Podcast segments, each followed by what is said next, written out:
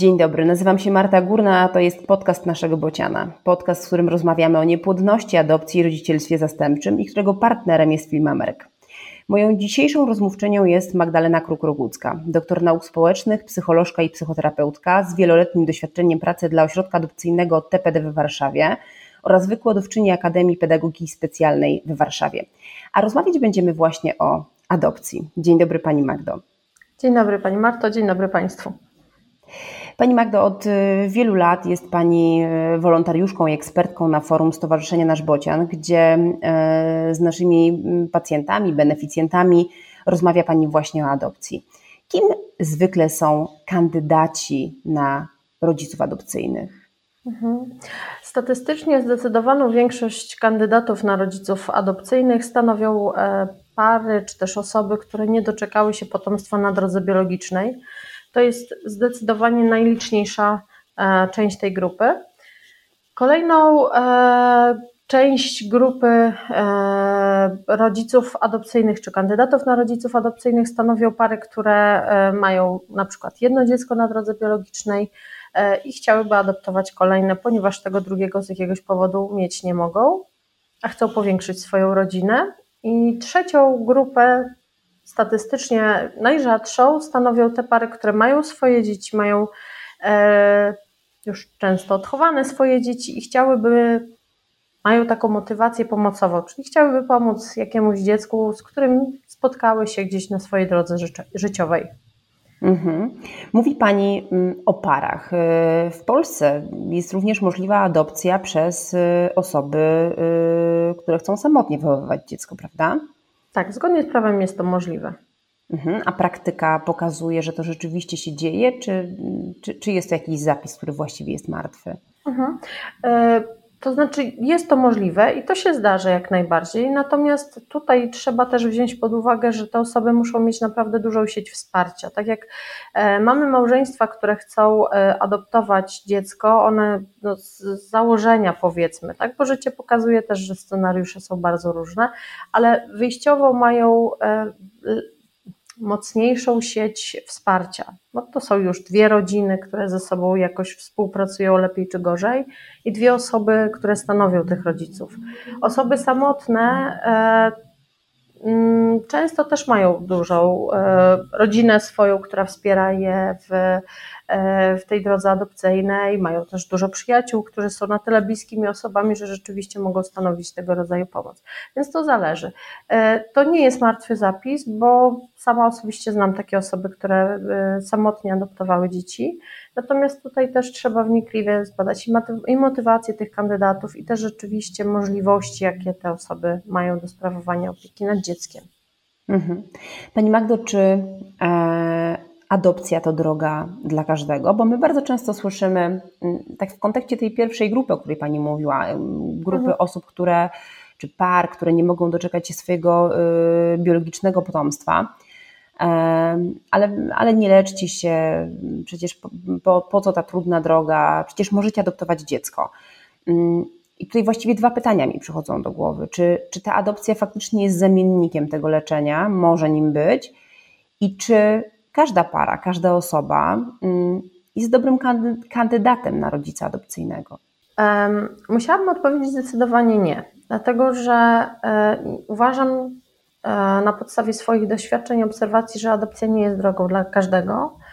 E, I też nie każda osoba, która zgłasza się do ośrodka adopcyjnego, ma potencjał, możliwości, żeby być dobrym rodzicem adopcyjnym. E, zacznę od tej pierwszej kwestii. Dlaczego to nie jest droga dla każdego? Ponieważ no, okazuje się, że nie każdy z nas ma taką otwartość, żeby rzeczywiście blisko e, emocjonalnie, blisko fizycznie związać się z dzieckiem, którego nie jesteśmy biologicznym rodzicem. E, I to jest pewnego rodzaju właściwość, można powiedzieć. Tak? Tutaj nie ma co mieć do siebie pretensji, że tak jest albo tego nie jest. Po prostu jedni z nas to mają, inni nie mają. A jest to specyficzna sytuacja, w której też e, swoje e, różne rozterki związane z leczeniem, z niepowodzeniami, ze stratami na drodze leczenia trzeba mieć ułożone, przepracowane, żeby rzeczywiście na ścieżkę adopcyjną wejść w taki sposób, żeby mieć motywację też do pomocy temu dziecku. Nie tylko swoją, e, aby zostać rodzicem i aby móc się cieszyć rodzicielstwem, co oczywiście jest zawsze i to będzie, i, i, i taka potrzeba jest zupełnie naturalną potrzebą, e, bo, e, no bo jeżeli ktoś rzeczywiście chce być rodzicem, to, to ta potrzeba po prostu w człowieku jest. E, natomiast chodzi o to, żeby mieć też w dużej mierze albo przede wszystkim na uwadze potrzeby dziecka, które do nas przychodzi dziecka straumatyzowanego bardzo często, z e, trudną historią życia, trudną historią ciąży, okresu prenatalnego, e, często z wieloma traumami. Więc mhm. tutaj, no, jakby, jeżeli to rzeczywiście ma pójść dobrze, to trzeba mieć dużą uważność na potrzeby tego dziecka, a nie na swoje własne.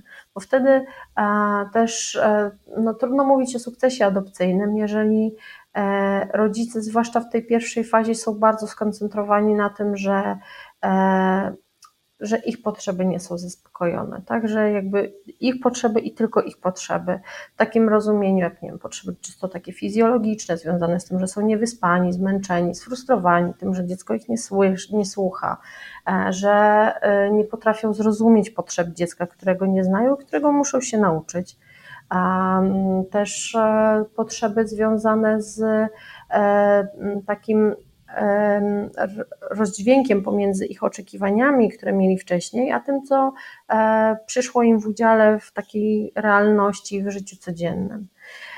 Więc tutaj ta konieczność patrzenia na, na, dziecko, żeby rozumieć, co tak naprawdę się dzieje w naszym życiu rodzinnym, dlaczego to dziecko nam wybucha, dlaczego ono próbuje. Mm, na przykład e, przeforsować swoje zdanie za wszelką cenę. E, I tutaj wymaga to naprawdę dużej uważności, takiej mądrości, też żeby trochę oddzielić to, co jest z okresu rozwojowego na przykład i z tego, że E, no, jednak dzieci tak mają, zwłaszcza w, w różnych okresach, e, powiedzmy tak, w, w, takim dużym uproszczeniu w okresie przedszkolnym na przykład, także one bardzo potrzebują samostanowić o sobie, decydować e, i to jest rozwojowe. Jeżeli na to nałożymy jeszcze doświadczenie traumy i takiej trudności z zaufaniem drugiemu człowiekowi, ponieważ ci dorośli bardzo często ranili, oni nie zapewniali podstawowych potrzeb, E, byli nieobecni na przykład, no to mamy już dziecko, które e, ma zdecydowanie bardziej nasilone te zachowania, które w odbiorze rodzica mogą być naprawdę trudne. E, wspomniała Pani o tych oczekiwaniach rodziców adopcyjnych, o ich potrzebach. Jak to jest? Czy decydując się na adopcję, e, my te oczekiwania w ogóle jakieś powinniśmy mieć, albo czy mamy prawo je mieć? Czy my E, rozmawiając e, w ośrodku adopcyjnym ze specjalistami, z ekspertami, powinniśmy mówić o tym, na co jesteśmy gotowi, na przyjęcie jakiego dziecka jesteśmy gotowi, czy to, czy to nie jest dobrze widziane, czy, czy, to, jest, czy to jest trochę tak jak, jak w życiu, kiedy staramy się o potomstwo spontanicznie, o potomstwo biologiczne i tak naprawdę nie wiemy, co nam przyniesie życie, los, prawda? No właśnie, starając się o dziecko biologiczne, z jednej strony nie możemy sobie wybrać pewnych rzeczy, pewnych cech, powiedzmy, naszego dziecka, z drugiej strony to nie jest tak, że my nie mamy różnych wyobrażeń. Mhm. E, a propos naszego dziecka, zastanawiamy się, czy będzie podobne e, do mamy, do taty, do kogoś z rodziny, jakie może mieć cechy charakteru. Rozmawiamy o takich rzeczach często, zastanawiamy się nad nimi. I w przypadku adopcji e, trochę analogicznie. My też mamy różne oczekiwania w stosunku do tego dziecka i to jest zupełnie naturalne.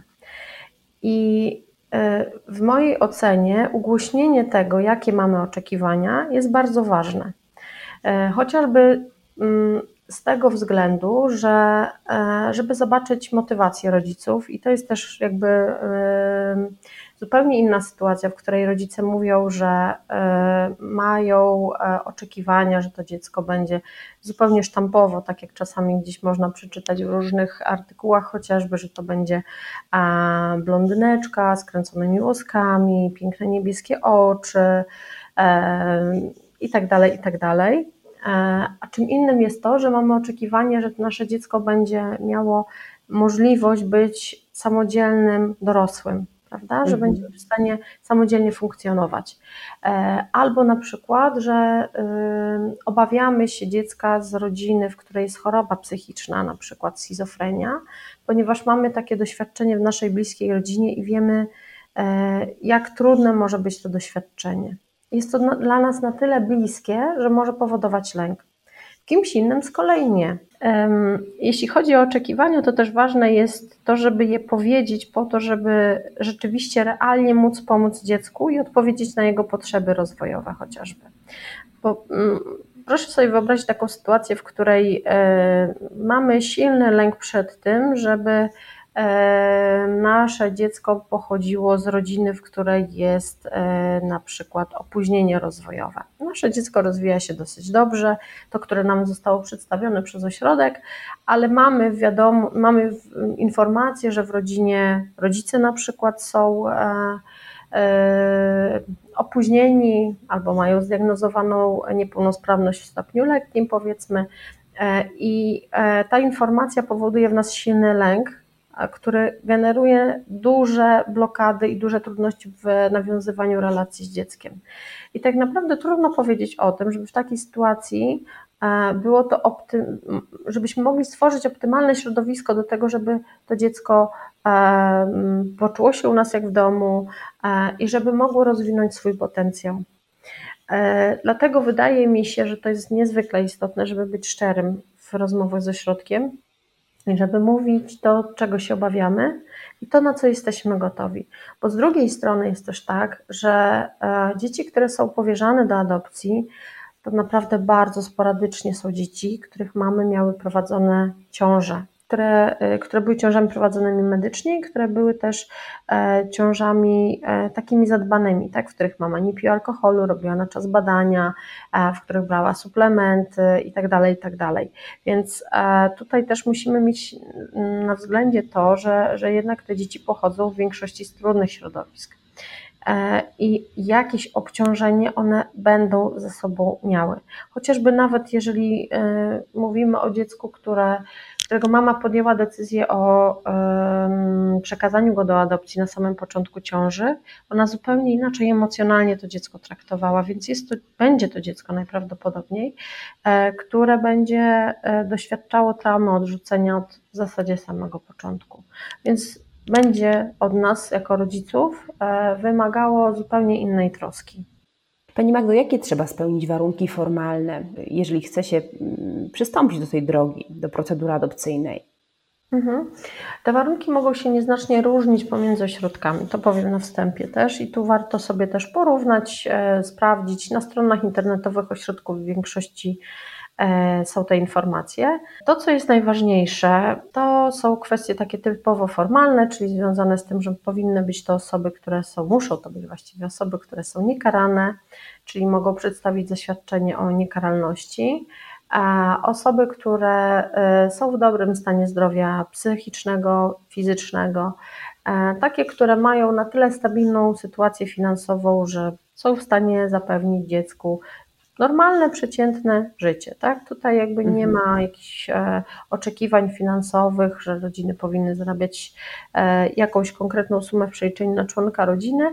Chodzi o to, żeby móc rzeczywiście zabezpieczyć to dziecko e, finansowo, zwłaszcza na przykład gdyby któreś z osób, któremuś z rodziców stało się coś, co uniemożliwiałoby pracę na przykład na jakiś czas.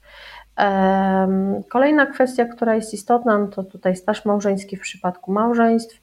E, on najczęściej wynosi od 3 do 5 lat. Tutaj e, może być to różnie w zależności od ośrodka i to też warto sobie sprawdzić. Z takich innych też oczekiwanych dokumentów to jest w przypadku par, które podejmowały leczenie, informacja o zakończeniu leczenia, czyli zakończeniu tych starań na drodze biologicznej. Wydaje mi się, że to są takie podstawowe mhm. dokumenty, które w większości potrzebują ośrodki. Czy ten staż małżeński, mówiła Pani, że to jest ten minimum 3 do 5 lat w zależności od ośrodka, mhm. to jest staż małżeński, który trzeba już mieć y, na liczniku, że tak się wyrażę, w momencie pierwszego kontaktu z ośrodkiem adopcyjnym, czy my możemy się skontaktować z ośrodkiem wcześniej, no bo wiemy, że ta procedura ona trwa Zawsze możemy zadzwonić wcześniej i dopytać, bo też są różne sytuacje i e, życie pisze na tyle e, indywidualne scenariusze dla, dla każdego z nas właściwie, że ośrodki też podejmują różne decyzje w zależności od, e, od sytuacji, aczkolwiek co do zasady jednak 3 lata to jest takie minimum. To też ma swoje uzasadnienie, dlatego że Wiadomo, że tak e, jakby czasami jest tak, że ktoś ma długi staż bez e, ślubu, później się pobiera i, jakby stara się o dziecko, e, więc to czasami jest tak, ale też czasami jest tak, że mm,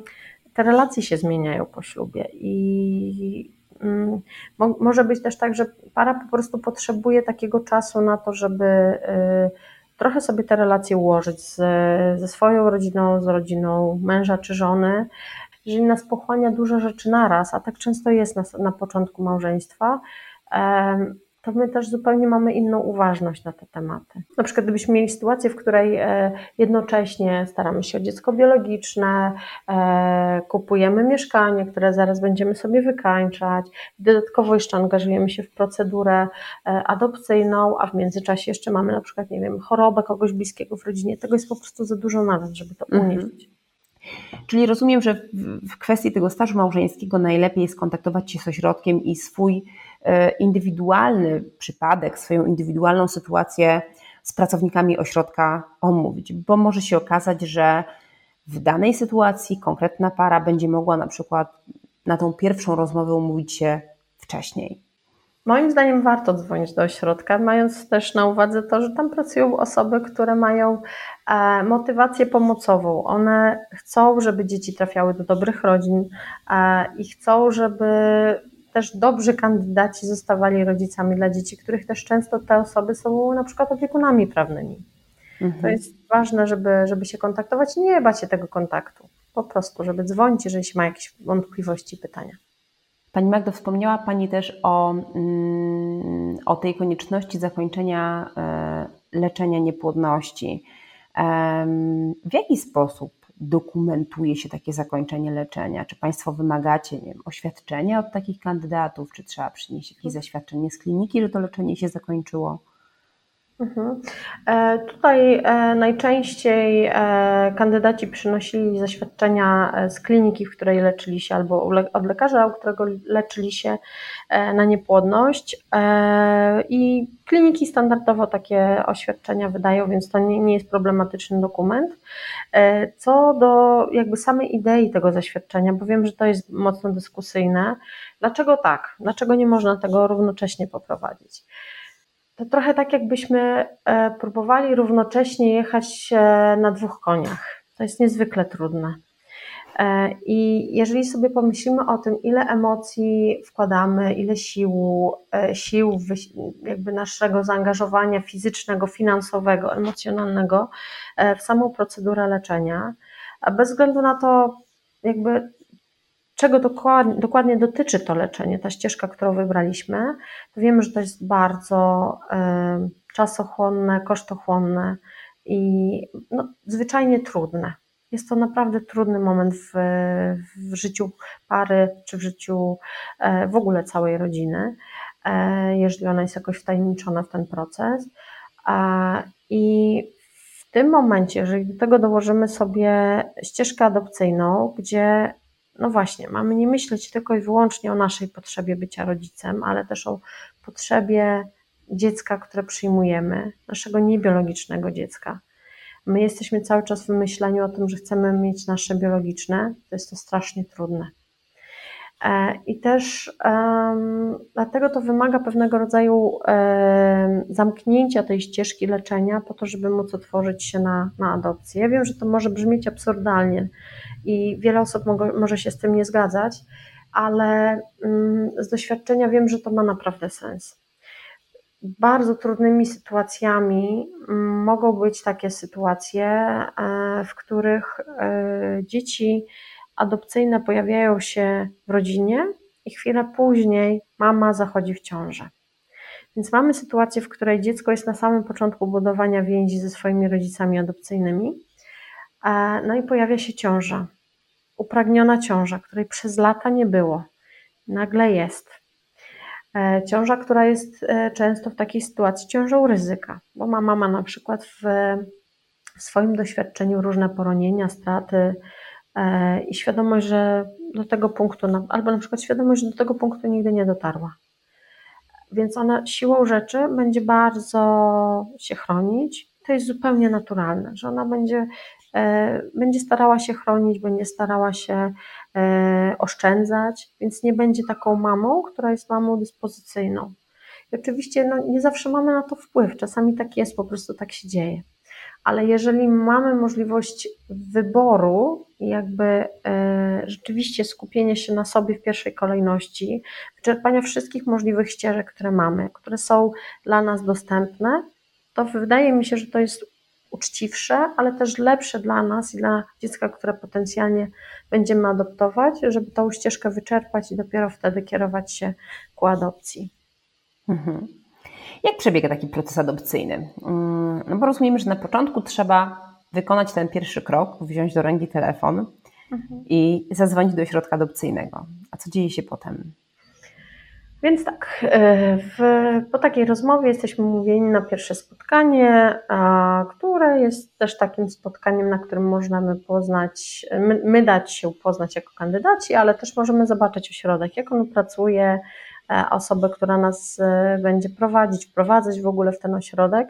I to jest bardzo ważny moment, bo też no, warto opierać się na swoim pierwszym wrażeniu i jeżeli czujemy z jakiegoś powodu, że osoba, która w tym ośrodku nas ma prowadzić, jakoś, jakoś niekoniecznie z nami jest po drodze, albo ośrodek też nam jakoś niekoniecznie odpowiada z jakiegoś powodu, warto szukać dalej, żeby też jakby mieć taką pewność, że jesteśmy dobrze zaopiekowani yy, i będziemy mogli się też tam otworzyć yy, z naszymi też różnymi trudnymi treściami, tak? No bo jednym z elementów e, postępowania adopcyjnego są rozmowy życiorysowe chociażby, czyli będziemy też mówić o tym, co się w naszym życiu wydarzyło, więc tutaj warto jest mieć kogoś, komu ufamy.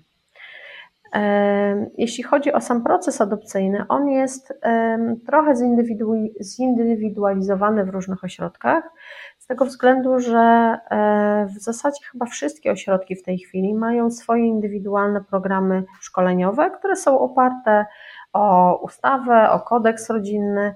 Natomiast też jest tak, że mm, one się troszeczkę różnią. E, to jest trochę tak jak nauczyciel, który sobie, nie wiem, konstruuje swój plan, plan zajęć, robi to w określony sposób. Co do zasady, treści, które są e, w trakcie tych szkoleń poruszane, one są bardzo zbieżne. Tak? E, tutaj będziemy mieć e, rozmowę na pewno o oczekiwaniach, o naszej motywacji, rozmowy indywidualne z mm, poszczególnymi małżonkami, tak żeby też ich móc poznać, co lubią, czego nie lubią, co jest dla nich trudne, co nie jest dla nich trudne i tak dalej. Standardem też są testy psychologiczne, które są wykonywane przez kandydatów. E, no i szkolenia grupowe, w których e, też mowa jest o bardzo różnych e, tematach, między innymi o trudnościach rozwojowych, z którymi nasze dzieci mogą się pojawić u nas w domu, ale też w ogóle o specyfice rozwoju na różnych etapach życia dziecka. Rozmawia się też o drodze w ogóle do adopcji, jak to się stało, że my się znaleźliśmy w tym punkcie, a nie innym. Więc te tematy są różne, natomiast mm, one mogą być jakby w różnej kolejności w danym ośrodku, natomiast no, będą się pojawiać właściwie w każdym programie szkoleniowym każdego ośrodka. Jak wiele czasu zajmie nam ta część przed uzyskaniem kwalifikacji e, do adopcji dziecka, czyli ta część właśnie E, szkoleniowa, kiedy, kiedy jesteśmy sprawdzani pod tym kątem właśnie wymogów formalnych, które musimy spełniać, kiedy przeprowadzane są testy psychologiczne. Jak mhm. wiele czasu to zajmuje? Ona zajmuje plus minus około roku. Tak e, przynajmniej tyle zajmowała u nas w ośrodku. Czasami to było więcej niż rok, dlatego że e, na przykład pary kończyły tą część indywidualną, bo u nas w ośrodku akurat część indywidualna była rozbudowana wcześniej, później była część grupowa e, i na przykład zdarzało się tak, że miały 3-4 miesiące przerwy, musiały poczekać na szkolenie grupowe, więc jakby całość można było zamknąć w roku do półtora maksymalnie, w zależności też od tego, jakie są przerwy pomiędzy tymi częściami. Więc, więc tak, oczywiście różna jest intensywność tych spotkań, ponieważ część spotkań jest prowadzona w takim cyklu e, comiesięcznym, część cotygodniowym, e, więc tutaj ta intensywność też będzie różna. Jeżeli wszystko jest w porządku, e, kończymy cały cykl szkoleń, rozmów, to otrzymujemy tak zwaną kwalifikację. I co wtedy? Wtedy rozpoczyna się okres czekania, który jest najtrudniejszym okresem dla kandydatów, mam wrażenie, ponieważ e, kończą się takie regularne spotkania w ośrodku e, i no właściwie wszystko mamy dopełnione. Wiemy, że dziś jesteśmy na jakiejś e, magicznej liście zawieszeni, natomiast nie mamy też takiej pewności, kiedy rzeczywiście ten telefon zadzwoni. Mhm. I tutaj to jest z jednej strony trudny czas, no bo, no bo to jest ten czas oczekiwania, a z drugiej strony to jest też czas, w którym warto od czasu do czasu e, kontaktować się z ośrodkiem, a dzwonić, e, przypominać się, umawiać się na spotkania też po to, żeby mm, z jednej strony pokazać, że jest się w takim okresie oczekiwania, a z drugiej strony, żeby też mieć dla siebie zwrotnie e, informacje, co się dzieje w naszej sprawie, tak, żebyśmy też wiedzieli, jak długo jeszcze mamy czekać, co możemy zrobić, czy możemy coś przygotować już, czy jeszcze lepiej poczekać. Jakby to warto też, e, warto też e, tutaj kontaktować się z, z osobą prowadzącą w ośrodku, tak przynajmniej telefonicznie raz na jakiś czas. I większość rodzin to robi zdecydowanie, e, no bo to też jest informacja o tym, że, że my czekamy, że to jest mhm. dla nas ważne. A od czego to zależy, jak długo czekamy?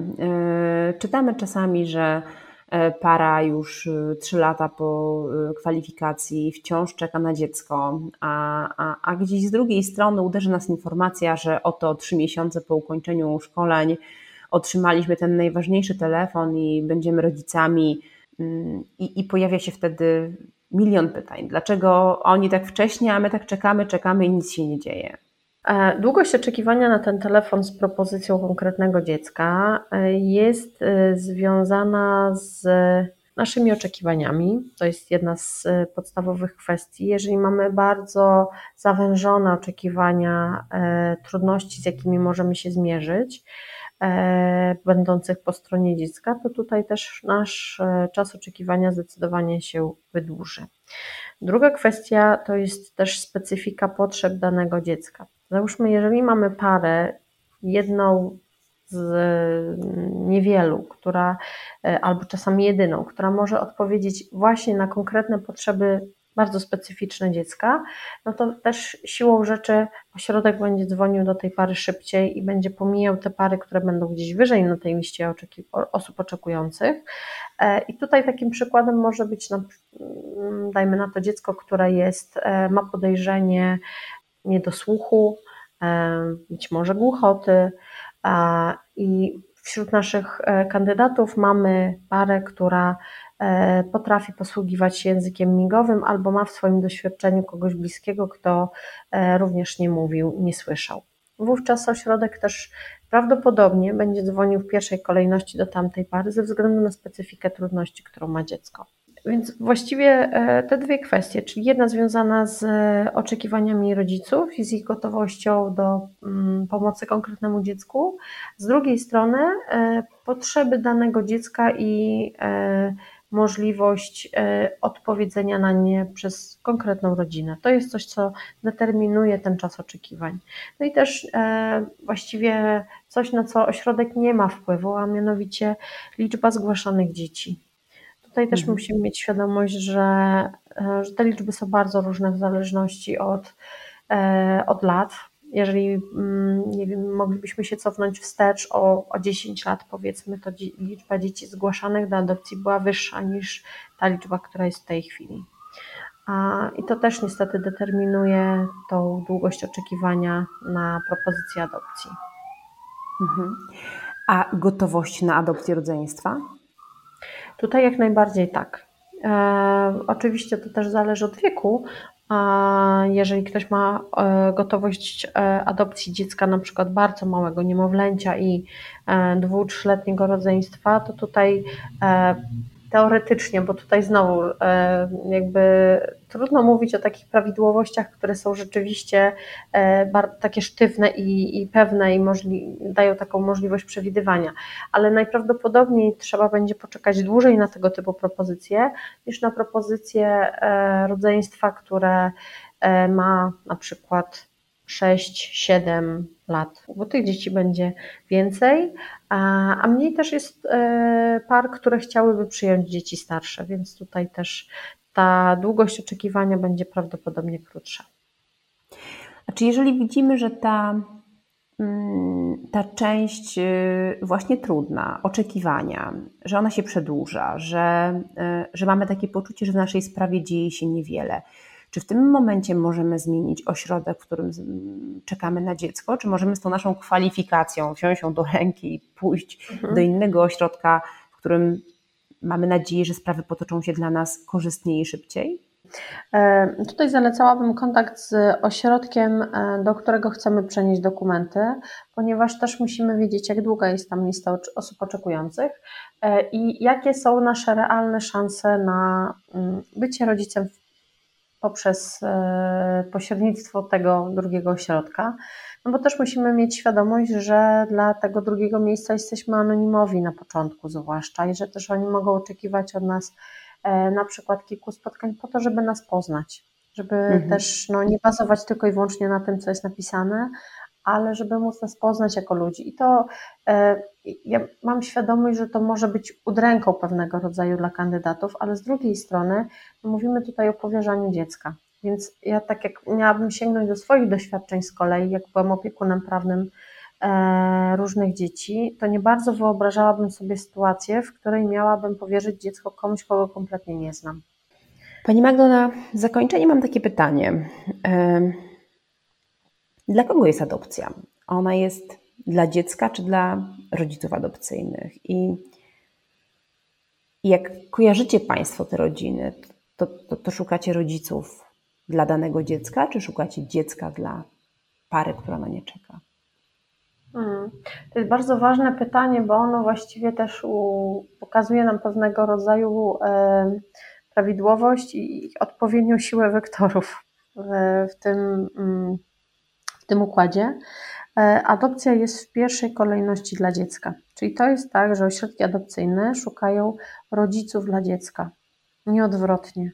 Tutaj w centrum powinno być, jest dziecko i jego potrzeby. Czyli tak na dobrą sprawę, jeżeli mamy konkretne dziecko zgłoszone do adopcji z uregulowaną sytuacją prawną, to w pierwszej kolejności powinni być dla niego szukani rodzice, którzy będą w stanie jak najlepiej je wychować i dać mu jak najlepszy dom. Mhm. Ale czy będąc, myśląc o adopcji, możemy myśleć o tym, że my, że my chcemy dla siebie rodziny, że my chcemy dziecka, że, że naszą motywacją nie jest jedynie to, że chcemy pomóc jakiemuś dziecku, ale chcemy też po prostu być rodzicami. Mhm. My nie tylko możemy o tym myśleć, my tak myślimy też często, tak? Czy kandydaci tak często myślą, bo trudno też od tego uciec i to jest zupełnie naturalne, że jakby motywacją e, chyba właściwie tak idącą dwutorowo i najczęściej powtarzaną przez kandydatów, to jest potrzeba e, spełnienia się w rodzicielstwie i też potrzeba pomocy dziecku, tak? Jakby to są rzeczy, które powinny iść tak na dobrą sprawę dwutorowo wydaje mi się, to jest moja osobista, e, moja osobista opinia, że e, w sytuacji, w której mówimy, że chcemy tylko i wyłącznie adoptować dla dobra dziecka, mamy taką potrzebę, nie mając swoich dzieci, też nie będąc spełnione w rodzicielstwie, e, to, to byłoby dużym uproszczeniem, ale też i nieprawdą po części, bo jednak tym, co motywuje w dużej części kandydatów jest to, że oni potrzebują, chcą e, spełnić się jako rodzice. Oni chcą przekazać też swoją e, swoje życie, to czym się pasjonują, e, też swój dorobek taki materialny komuś dalej. Wydaje mi się, że ta potrzeba e, bycia rodzicem jest czymś tak naturalnym i tak silnym, że to jest jeden z podstawowych czynników, który motywuje do tego, żeby zostać rodzicem, czy na drodze biologicznej, czy na drodze adopcyjnej. Nie ma w niej niczego złego. Nie, absolutnie nie. Pani Magdo, bardzo Pani dziękuję za tą dzisiejszą rozmowę. E, przypominam, moją e, dzisiejszą rozmówczynią była Magda Kruk-Rogucka, doktor nauk społecznych, psycholożka, psychoterapeutka, e, wykładowczyni Akademii Pedagogiki Specjalnej w Warszawie. Panią Magdę znajdziecie na naszym forum eksperckim, gdzie zawsze jest gotowa nieść Wam pomoc. Pani Magdo, bardzo serdecznie dziękuję za rozmowę. Bardzo dziękuję. Do widzenia, do usłyszenia. Do usłyszenia.